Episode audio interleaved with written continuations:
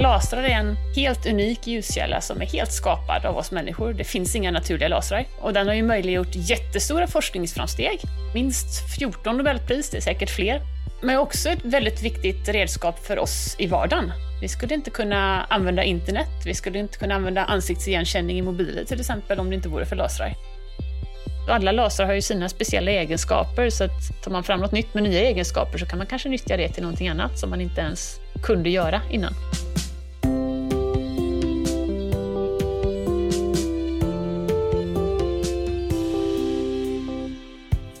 I Världarnas krig av H.G. Wells så landar marsianer på jorden och anfaller människorna med hjälp av dödsstrålar. Mänskligheten är försvarslös, men vi räddas av att marsianerna attackeras av bakterier som de inte har något försvar emot. Och den här boken var förstås en succé, men alla som läste den gillade inte att människorna var så försvarslösa. Den amerikanske författaren Gareth Service skrev därför året efter Wells en inofficiell uppföljare som hette Edisons Conquest of Mars. Där leder uppfinnaren Thomas Edison en armé som invaderar Mars för att hämnas och nu har människorna egna Disintegrator Rays som förstör marsianerna. Hämnden är ljuv. Strålningsvapen låg alltså i tiden. Böckerna kom på 1890-talet när röntgenstrålar och radioaktivitet var nya. Under åren som följde fortsatte science fiction att vara fullt av Ray-guns. Men 1960 så ändrades allt. Då uppfanns lasern och dödsstrålarna ersätts av laserkanoner, laserpistoler och så småningom lasersvärd. Men trots allt det här så vågar jag ändå hävda att lasern är ett område där verkligheten överträffar dikten.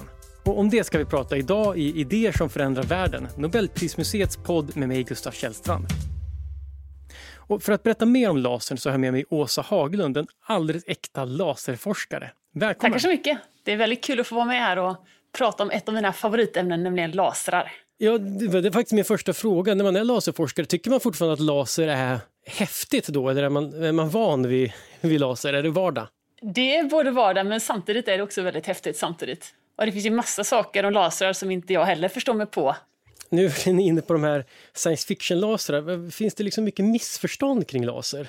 Det finns nog många saker man inte vet om. Många tror ju att alla lasrar är jättefarliga, vilket de inte är. Det har ju helt att göra med hur mycket ljus det är. Det är farligt att stirra rakt upp mot solen också för att det är mycket ljus. Och det är samma sätt. En laser kan också vara farlig för att det kommer mycket ljus, men den är nödvändigtvis inte farlig. Man kan helt enkelt säga att det är ett verktyg som kan användas till bra och mindre bra saker kanske? Absolut. Väldigt många bra saker ska jag säga. Men lasrar är en helt unik ljuskälla som är helt skapad av oss människor. Det finns inga naturliga lasrar. Och den har ju möjliggjort jättestora forskningsframsteg upp till, jag tror jag räknar minst 14 Nobelpris, det är säkert fler. Men också ett väldigt viktigt redskap för oss i vardagen. Vi skulle inte kunna använda internet, vi skulle inte kunna använda ansiktsigenkänning i mobiler till exempel om det inte vore för lasrar. Det där med ansiktsigenkänningen blir man lite nyfiken på. Alltså, det är inte så man kanske ser laser framför sig. Då tänker man sig att det ska komma någon sorts sån här, som i science fiction-film, någon sorts scanner som ja. syns på ansiktet. Men vanliga telefoner, det syns ju inte. Ska inte laser synas? Eh, inte nödvändigtvis. Det finns ju lasrar som skickar ut synligt ljus. Men jag skulle säga en majoritet av de lasrar vi använder idag skickar ut osynligt ljus, så kallat infrarött ljus. Mm. Så det är ljus som vi inte ser. Åsa Haglund är professor på avdelningen för fotonik vid Chalmers tekniska högskola. Där leder hon en grupp som forskar om ultravioletta lasrar med kort våglängd. Det är ett komplicerat ämne med stora praktiska tillämpningar, både medicinska och tekniska. Hon har fått flera prestigefyllda forskningsanslag från såväl Vetenskapsrådet som det europeiska forskningsrådet ERC. På eh, Chalmers tekniska högskola så jobbar vi med en speciell sorts laser som kallas för en halvledarlaser. Det är lasrar som är otroligt små, liksom bråkdelen av ett sandkorn i storlek. De är väldigt energieffektiva och kan också bli väldigt, väldigt billiga. Och man kan säga att den här halvledarlasern är den lasern som dominerar idag. Om man okay. tittar på hur många lasrar som finns i samhället så är det mest av den här typen lasrar det finns. Men de flesta skickar ut osynligt ljus, infrarött ljus. Mm. Så vad vi försöker göra i vår grupp är att skapa en liknande laser med alla de här goda egenskaperna, men som skickar ut helt annat ljus istället för infrarött ljus. Så kan skicka ut blått eller kanske till och med ultraviolett ljus. Och vad är fördelen med det? Fördelen med det är att man kan använda lasern till helt andra typer av tillämpningar. Då. Om man tittar på halvledarlasern som emitterar ultraviolett ljus så kan de till exempel användas för att sterilisera bakterier och virus om det ljuset är av tillräckligt kort våglängd. Så man kan använda den här lasern för att rena vatten till exempel. Man kan också använda den för att eh, bekämpa pågående och framtida pandemier eftersom man kan sterilisera både bakterier och virus med den. Så man kan tänka sig att om vi kan göra sådana här otroligt små billiga UV-lasrar som i princip inte drar någon ström alls, så kan man installera dem på massa ställen, som till exempel offentliga toaletter och rena handfaten och handtagen och sånt mellan användare. Man kan också ha dem i flygplatser. Eh, handledarna i rulltrapporna är ju sånt ställe som alla tar på. Så det ska man också kunna rena hela tiden så att man minskar spridning av eh, farliga sjukdomar. Man skulle alltså kunna ersätta handspriten med laser? Ja, precis. Eller som ett komplement till. Eh, ja, just det. Ja, man ska inte sluta tvätta händerna. Det kanske ändå är bra Nej, att göra. Precis, precis. men men hur, hur, hur, funkar det? Att det kan, är det för att det förstör viruset och bakterierna då? Eller hur, hur funkar det? Om det är ultraviolett ljus som har vad vi säger tillräckligt kort våglängd, alltså ljus som innehåller tillräckligt hög energi, så är det ljus som inte finns naturligt på jorden idag. För vi är skyddade ifrån den strålningen. Så att allt levande på jorden har ju anpassats efter de förhållanden som finns här. Det vill säga, vi är inte vana vid den här väldigt korta UV-strålningen så därför har vi inget skydd mot det. Och det gäller ju också bakterier och virus. Så bestrålar vi dem med den här korta UV-strålningen så skadar vi dem på ett sådant sätt att de inte kan reproducera sig längre. Ja, just det, för vi blir ju också skadade förstås av UV-ljus. Det är därför vi måste ha ozonlagret och solskyddsfaktor. Exakt, sånt, exakt. Så det är det som gör att det är möjligt att bestråla miljöer där det inte befinner sig människor. Men, men vi kan inte bestråla med det här UV-ljuset om det är människor där, för då skadar vi människorna också. Däremot så har man tittat på att använda ännu kortare UV-våglängder, mm. så ner mot 230 nanometer. Och de har sett att då kan man faktiskt sterilisera bakterier och virus på huden utan att skada huden. För så kortvåglängdig strålning går inte in i huden och skadar utan den tas upp överst på ytan där det inte kan skada någonting. Så det ses som en intressant alternativ metod för att bekämpa antibiotikaresistenta bakterier kanske framigenom. Då behöver man bara belysa, om man har sår till exempel som är svårläkta så kan man tänka sig att man belyser såren bara och på så sätt tar koll på bakterier och virus som kan finnas där. Men det funkar inte om man har då en intern infektion eller kan man öppna upp och lysa också? Man kan ju eh, gå in med, det gör man ju redan idag ibland med endoskopi och liknande, så man kan Just. belysa inne i kroppen också på sina ställen. Eh, och skulle också kunna behandla på det sättet. Ja. Nu, nu förstår jag lite att, att du inte tycker att det är supervardagligt, för det här låter lite som, som den här science fiction, att man ska komma in med laser i kroppen för att bota sjukdomar. Men det låter också som en sån här vision av, ganska utopisk vision av framtiden. Det låter ju helt fantastiskt. Ja, det vore ju helt fantastiskt. Man använder ju idag lasrar mycket inom sjukvården, eh, i operationer till exempel, där man kan skära eh, bort skadliga delar med laser. Man har också tittat på att detektera cancer med hjälp av laser. Så om man belyser med laserljus och tittar på vilket ljus som skickas tillbaka så är det olika om det är en cancercell eller om det är en frisk cell. Och på så sätt kan man se eh, var tumören är och vilken utsträckning den har. Så det börjar komma mer och mer en verklighet kan man säga. Vem uppfann egentligen lasern? Nobelpriset i fysik som delades ut 1964 till amerikanen Charles Towns och ryssarna Nikolaj Basov och Alexander Prokhorov för deras forskning om lasern har ibland kritiserats för att vara felaktigt. Pristagarna hade 1958 publicerat artiklar om laser och Towns hade beviljats ett patent. Men det var forskaren Theodore Mayman som byggde den första fungerande lasern. Senare visade det sig också att en tidigare medarbetare till Towns, Gordon Gould, hade skrivit ner principen bakom en fungerande laser redan innan Towns. Så Gould bestred därför Towns patent och efter flera decennier av juridiska strider så fick han rätt och därmed skrevs patenten över på honom. Innebär det att Nobelpriset 1964 var ett misstag? Problemet är att Nobelpriset bara kan gå till högst tre personer och i det här fallet verkar det ha varit minst fem personer inblandade i själva upptäckten. Men lösningen var då att inte belöna uppfinningen av lasern utan de grundläggande kvantelektroniska upptäckterna som möjliggjorde uppfinningen. Det är nämligen så det står i Nobelkommitténs motivering till priset. En hårfin skillnad kan man tycka, men så är det ofta i Nobelsammanhang. Prismotiveringarna ska läsas noggrant. Till att börja med så kan man säga att laser är ju bara en slags ljuskälla egentligen. Det är en slags lampa. Men mm. den har väldigt unika egenskaper. Om vi tänker oss en, en vanlig ljuskälla, alltså solen eller någon lampa vi har hemma, så skickar den ju ut eh, vad vi upplever som vitt ljus, det vill säga ljus som består av alla möjliga olika färger, huller om buller. Och en sån ljuskälla skickar också ljus i alla möjliga riktningar. Och det ljuset som kommer ut eh, bryr sig inte om om det andra ljuset som kommer ut. Det finns ingen koppling mellan ljuset som skickas ut ifrån en sån. Så det är väldigt oorganiserat, kaosartat ljus som kommer ifrån en vanlig lampa kan man säga då. Och det är ljusets naturliga form. Laserljus å andra sidan är otroligt ordnat ljus. Så det har till att börja med en enda färg. Den kan vara grön, den kan vara röd. Den kan också vara osynlig och då är det svårt för oss att se den, men den har en enda färgnyans. Något som vi fysiker kallar våglängd. Mm.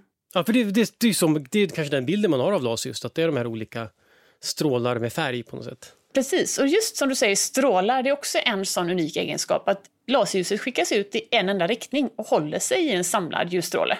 Så om du tar en laser och, och riktar den mot en vägg så får du en liten prick på väggen. Mm. Medan tar du en ficklampa och riktar den mot väggen så får du en stor ljusblaffa. Eh, för att ljuset sprider sig mycket mer ifrån en vanlig ljuskälla än vad det gör ifrån en laser. Sen har laserljus en tredje unik egenskap som kallas koherens. Att ljuset är väldigt, väldigt rent kan man säga, väldigt förutsägbart. En laser skapar massa ljusvågor men alla de svänger exakt i takt varandra. Så att ut från lasern så kommer det i princip en supervåg. Så en stor våg med jättehöga toppar och jättedjupa dalar, men en helt perfekt våg. Och det gör att ljuset blir väldigt förutsägbart. Om jag står i en punkt i rummet och mäter laserljuset där så kan jag faktiskt förutsäga hur ljuset ser ut i en annan punkt i rummet för att det är så perfekt. Och det kan och det, man inte göra med en ficklampa om man lyser på någon? Det kan man inte göra med en ficklampa. För det är liksom helt kaosartat ljus som kommer ut. Mm, okay. Så det, det, är inte bara att det är samma våglängd på ljuset utan att våglängderna är synkroniserade? Ja, precis. Det är en helt perfekt våg som kommer. Men sen bygger man också olika sorters lasrar för olika ändamål. Så om man har en väldigt liten laser så kommer den skicka ut väldigt lite ljus. Och bygger man en jättestor laser så kan den ge ut jättemycket ljus.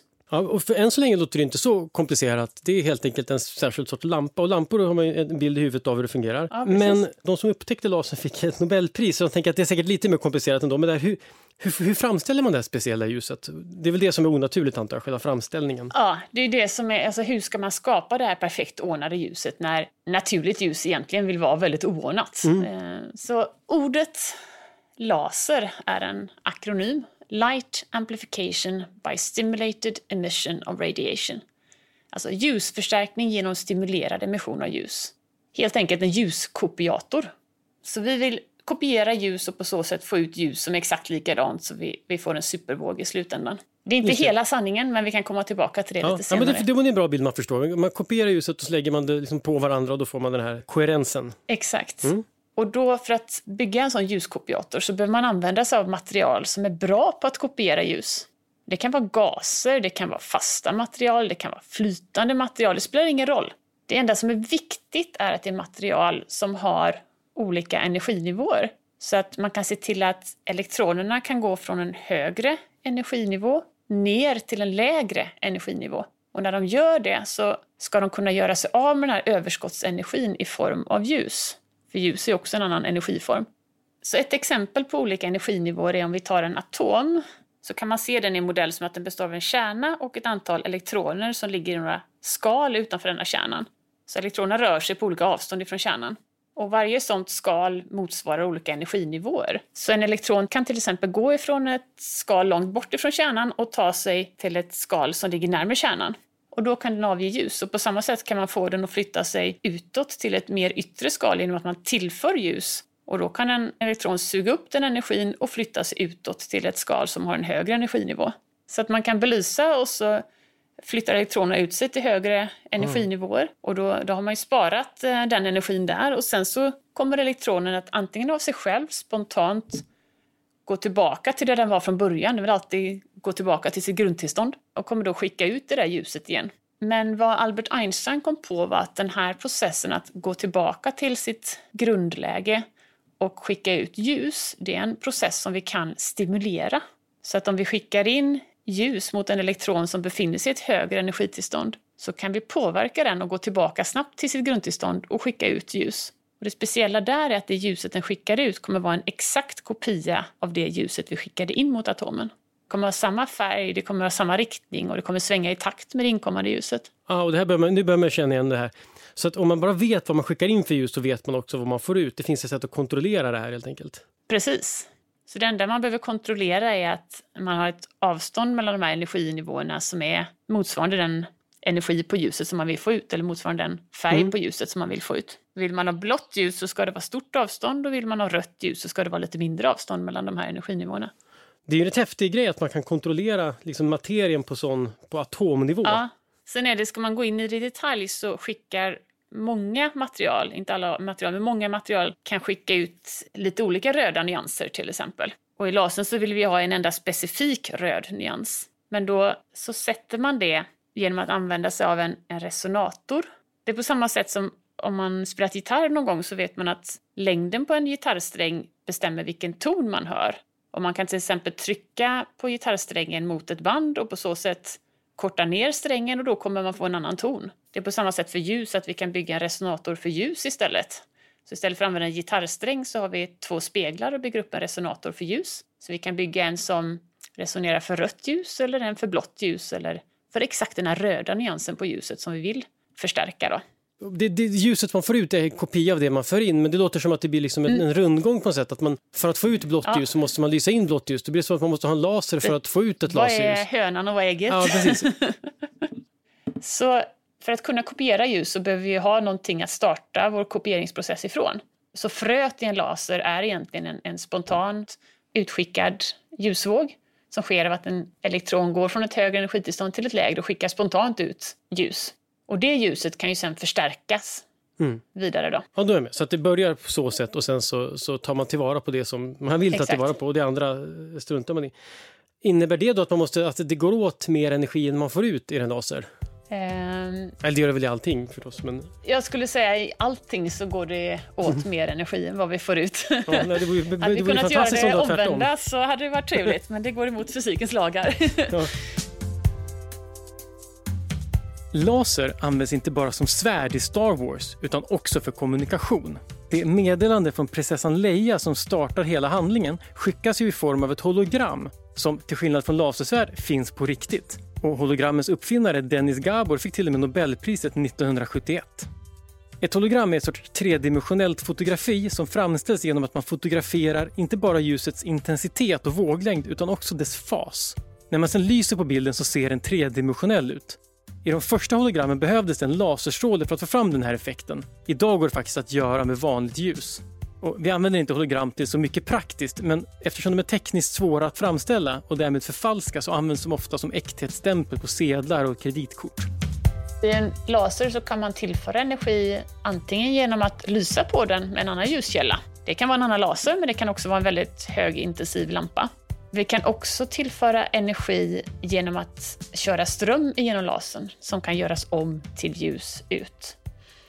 Hur energieffektivt kan detta bli då? Vi, ja. vi, tar elektrisk energi eller ljus och så ska vi göra om det till det här helt onaturliga, perfekta, ordnade ljuset. Jag tror att rekorden ligger någonstans kring 80 procent, så att 80 procent av den elektriska energi vi stoppar in kommer ut som ljus. Och det är väldigt hög konverteringsgrad skulle jag säga. Ja, verkligen. Eh, däremot eh, de flesta lasrarna vi använder till dagligdags för ansiktsigenkänning och för internetuppkopplingar, de kanske ligger på någonstans 40 procent i verkningsgrad. Men det är fortfarande väldigt högt. Hur, hur kan man förstå det? Vad, vad, vad jämför man med Ja, men till exempel då för internet. Alltså man jämför, då antar att man jämför med verkningsgraden i att ha en sladd istället för att ha laser. Då är 40% högt kanske. Precis. Det är ett stort problem när det handlar om internetkommunikation att det skapas väldigt, väldigt mycket värme så man måste mm. kyla de här stora datacentren och sånt som vi har.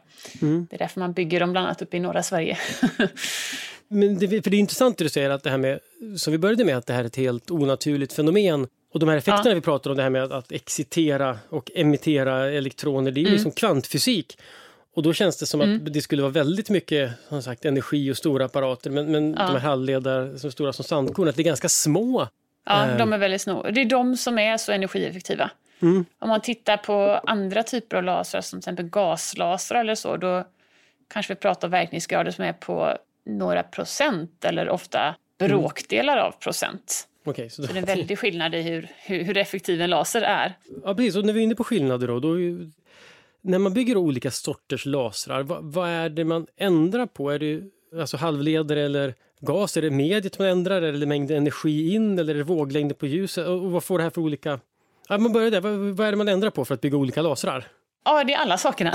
Ja. Det viktigaste att tänka på först är väl vilken eh, färg man vill få ut, vilken mm. våglängd vill man få ut. Och det sätter då vilka material man kan ha i kärnan på lasern. Helium-neon är väldigt populärt om man vill ha en, en röd laser med väldigt goda koherensegenskaper. Vill man ha blått ljus så använder man sig av gallium och kväve kombinerat med lite indium. Så det, det, finns en hel vetenskap bakom att välja rätt material för att få rätt våglängd utifrån lasern. Så det första var då väljer man vilken färg man vill ha och när man har valt det då, då väljer man efter det medium. Och sen då energin, det är en annan sak. Det är helt enkelt hur kraftig man vill att lasern ska vara. Ja, precis. Hur, hur ska man tillföra energin på bästa sätt i det här mediet för att mm. eh, det ska kunna kopiera ljus? Och det är också lite olika. Vissa material är kanske inte elektriskt ledande. Då kan man inte skicka en ström genom materialet. Så då måste man ju välja andra sätt, till exempel att tillföra energi med hjälp av ljus. Då. Så då har man någon stark blixtlampa eller någon annan laser som man lyser på den här lasern med då för att tillföra energin på det sättet. Och det bestäms återigen lite grann av materialet. Vad är möjligt? Hur kan vi tillföra energi på bästa sätt? Och sen måste man ju också välja sina speglar då. Man måste bygga den här resonatorlådan på ett bra sätt. Det finns alltså olika sorters speglar? Det tänkte jag att det bara fanns en sort. Är det också med, också med eh, våglängder finns... och sådär vad de reflekterar? Om man bara tittar på olika metaller så reflekterar de olika våglängder olika bra. Den här ja, spegeln som vi har hemma i badrummet eh, är ganska bra för många våglängder. Men för vissa lasrar så är inte den tillräckligt bra. Utan då behöver man något som reflekterar ännu, ännu mer ljus. Så istället för 80-90% så behöver vi något som reflekterar nära 100% ljus. Då får man bygga upp dem med multiskiktade strukturer istället i helt andra material. Mm. En utmaning är ju då att om man sätter speglar som reflekterar jättebra, säg att de reflekterar 100%, de reflekterar tillbaka allt ljus. Då behåller vi allt ljus in i lasern och inget ljus kommer ut. Ja, och då ju... kan vi inte använda den till någonting. Så det är en liten avvägning. Hur mycket ljus vill jag få ut ifrån min laser? Och hur lätt vill jag att det ska vara att få den att börja lasra? Mm. En spännande sak när man hör dig berätta om det här, det, eh, det låter lite på det som att det man gör som laserforskare är väldigt mycket att liksom testa sig fram och bygga speglar och olika medier. och sånt där. Eller, eller kan man liksom beräkna allt det här på förväg och sen bara bygga ihop sin laser? Både och. Vi försöker ju förutsäga vad vi ska använda och hur vi ska göra och testa det först med, med simuleringar. Och sen så försöker vi gå till labbet och verkligen bygga ihop den här lasern. Sen lär man sig saker på vägen och inser att okay, modellerna kanske inte tog hänsyn till precis allting. Eller mm. när vi försöker göra det här i verkligheten så får vi inte så här hög reflektion från spegeln som vi borde få. Eh, då är det någonting vi inte förstår och så får man gå tillbaka till ritbordet och sätta sig in i vad är det nu som är annorlunda och sen försöka bygga nästa omgång lasrar. Så det är lite fram och tillbaka mellan att, att göra beräkningar och att eh, testa sig fram.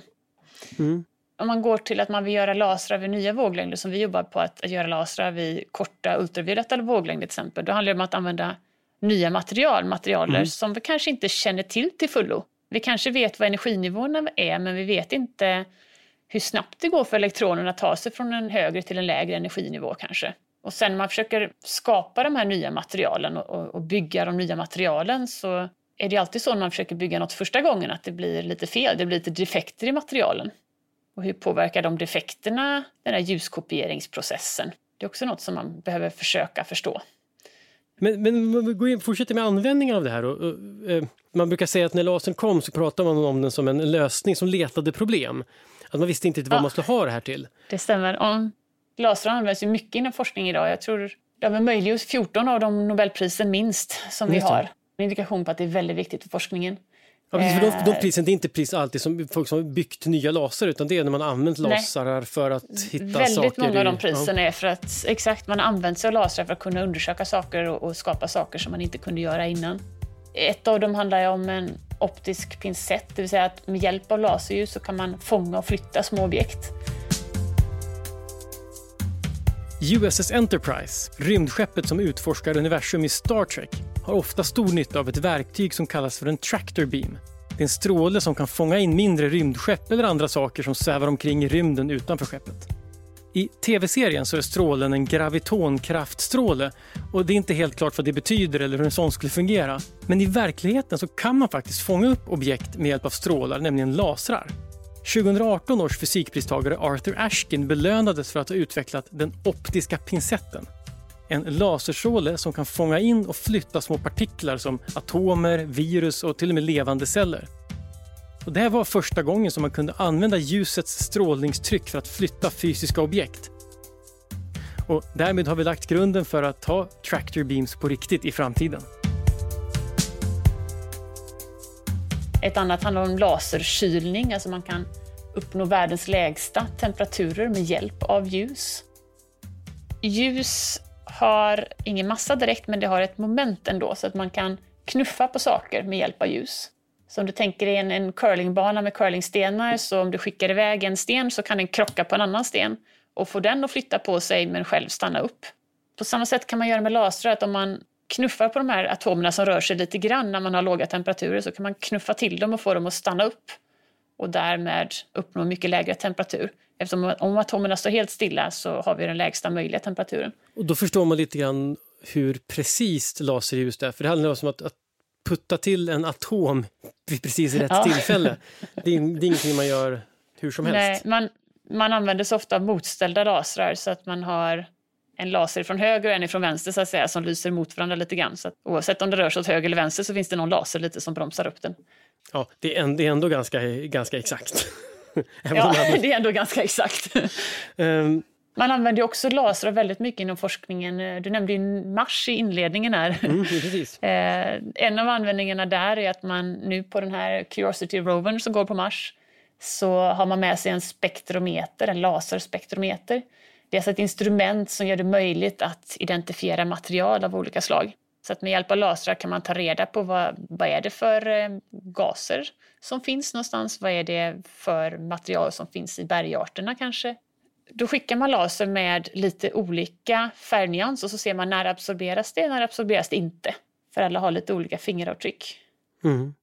Men jag tänker om man kan titta på det sättet på, på, som spektrografi, kan man också skapa visualiseringar? Det är klart man kan göra då spektrografi, blir väl visualisering, men jag tänker också som mikroskop, kan man använda på det sättet? Man kan ju fokusera ljus ner till väldigt små punkter, så på så sätt så kan man ju upplösa saker som är på ganska liten skala. Mm.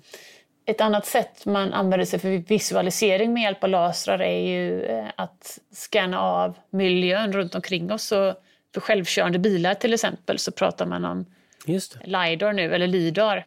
Och då är det en laser som sitter och scannar av hela omgivningen egentligen.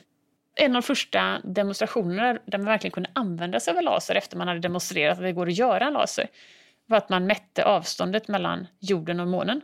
Genom att man skickade en kort laserpuls till månen mm. som reflekterades där och studsade tillbaka till jorden. Och då kunde man mäta hur lång tid tog det för den här laserpulsen att gå till månen och komma tillbaka. Och genom att man kunde mäta tiden så kunde man räkna ut exakt hur långt avståndet var på liksom, centimeterprecision. Eh, det är rätt häftigt. Mm. Och det är också något man använder sig av idag egentligen, så att man kan med en, en laser rikta den mot en vägg och då skickar man iväg en liten laserpuls mot väggen som studsar tillbaka och kommer tillbaka och så mäter instrumentet hur lång tid tog det. Och så säger den, ja, väggen är 3,5 meter bort. Just det, och det är väldigt eh, exakt, uh, liksom det är poängen förstås. Det blir väldigt, väldigt exakt, mycket mer exakt än 3,5 meter. Ja. 3,02 centimeter kanske något. Just det. Ja, man kan mäta centimeter på hur mycket man betalar. Ja men precis, med 3,5 meter till väggen i alla fall. Men då kan och det är det man använder i bilar då, att man kan titta runt om, alltså självkörande bilar, att man kan titta runt omkring sig och se. Precis, så då har man massa laserstrålar som, som skannar av och så får man information från hela miljön runt omkring sig och kan se om det är någon som är på väg ut i gatan eller om man har en mötande bil eller om det är något objekt man behöver eh, ta sig runt. Mm. Eh, och det är också lite samma princip i eh, ansiktsigenkänning i mobiltelefoner. Att den skickar ut ett antal laserstrålar emot ansiktet och så tittar man på när de kommer tillbaka och så kan man beräkna ut avståndet och på så sätt göra upp en bild över hur ser ansiktet ut. Och så kan man identifiera om det är rätt person eller fel person.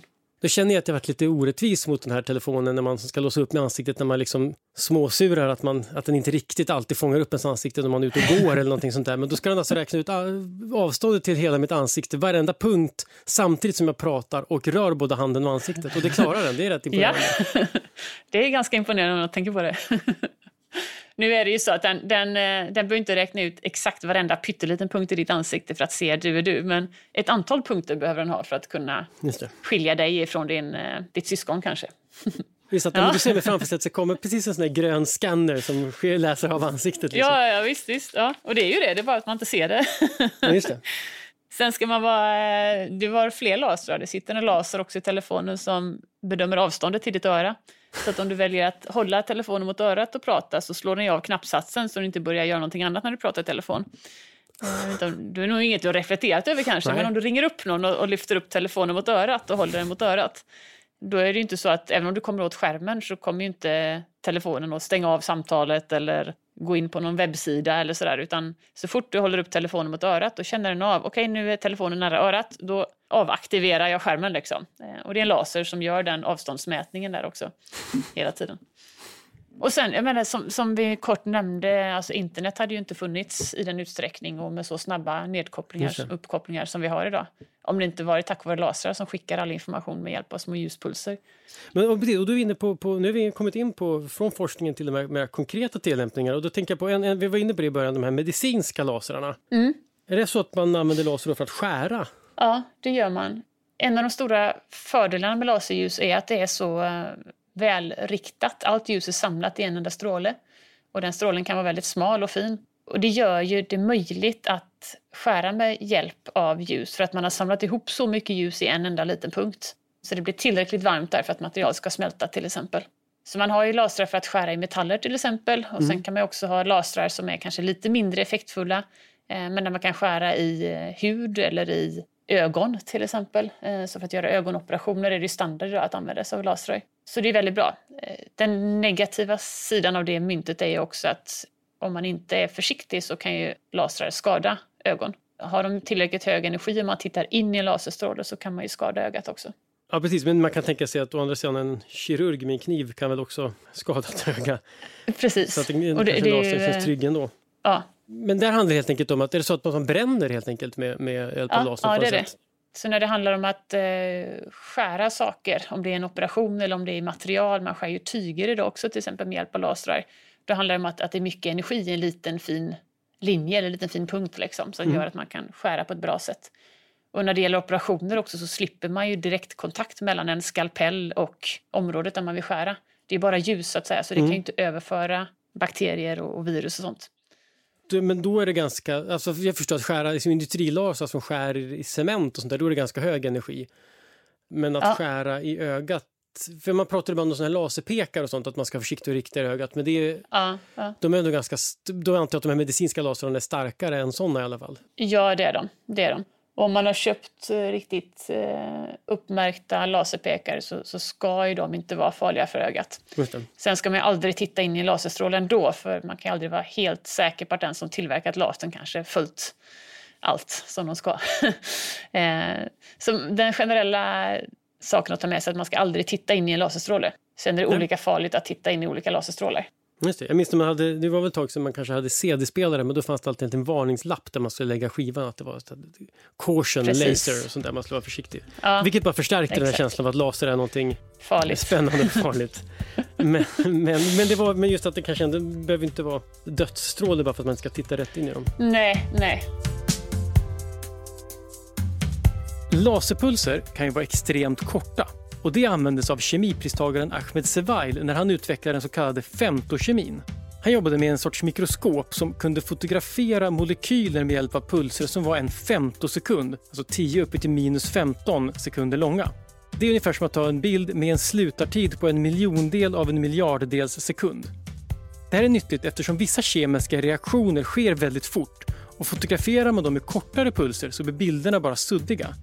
Men med den här upplösningen kunde man fånga vad som skedde och sätta ihop bilderna till en serie av längre förlopp och på så sätt få en djupare förståelse av hur kemiska reaktioner sker.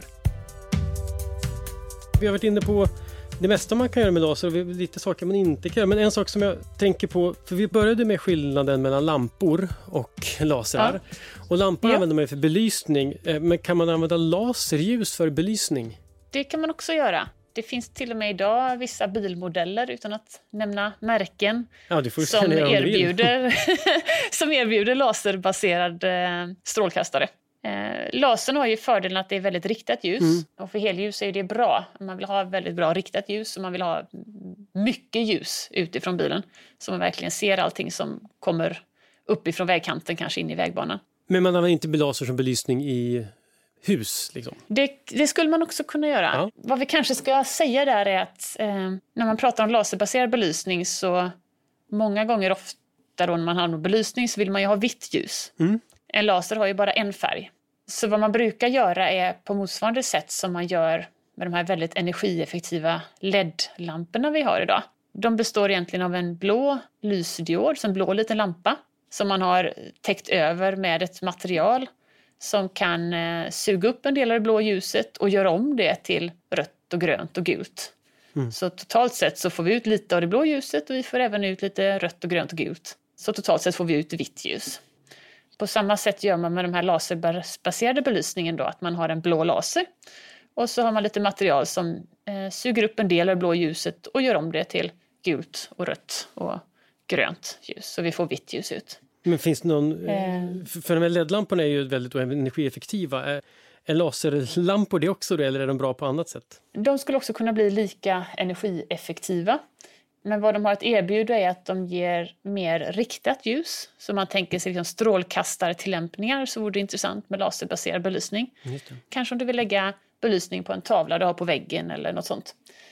Vissa tror också att det kan leda till en lägre kostnad för de här lamporna. För att en laser är väldigt bra på att skicka ut jättemycket ljus ifrån ett pyttelitet sandkorn. Spännande, man behöver inte lysa upp alla delar av rummet som man inte är i. Nej, precis, det får man inte göra heller. Eh, däremot att använda direkt laser för eh, upplysning är lite lurigt för att man har den här jätterenheten i ljuset, den här, det är liksom korrent ljus. Så att mm. om du tar en laserstråle och belyser en vägg med det så får du inte en jämn eh, grön prick utan den ser lite grynig ut. Eh, mm. Vilket beror på att ljuset är så rent så man ser liksom i princip eh, konigheten i väggen kan man säga. Ja, det, jämna, det blir inget brus liksom. Men för att avsluta bara, jag tänker på som är realistiskt att tänka sig på framtiden. För det är bra att prata om det med att, att, ta bort virus och bakterier till exempel med laser. I bästa ja. fall sånt som inte skadar hud och så. Och, och är det liksom jag förstår att, att man forskar på det och det kommer väl säkert komma någon gång. Men, men jag tänkte för några år sedan, hur, hur troligt är det? Det låter lite som science fiction. Är det troligt att det här kommer komma ganska snart? Om man, om man till exempel hade sagt till dig för vad vet jag, fem, tio år sedan att vi utan problem skulle använda sån här ansiktsigenkänning med hjälp av laser, hade man tyckt att det var, kändes främmande också? Eller, eller var det liksom så pass enkelt att det fattade man att det skulle komma? Och är det här på ett liknande sätt? Det, när det handlar om lasrar så har man aldrig kunnat förutspå vilka tillämpningar som kommer. Man kan gissa några stycken.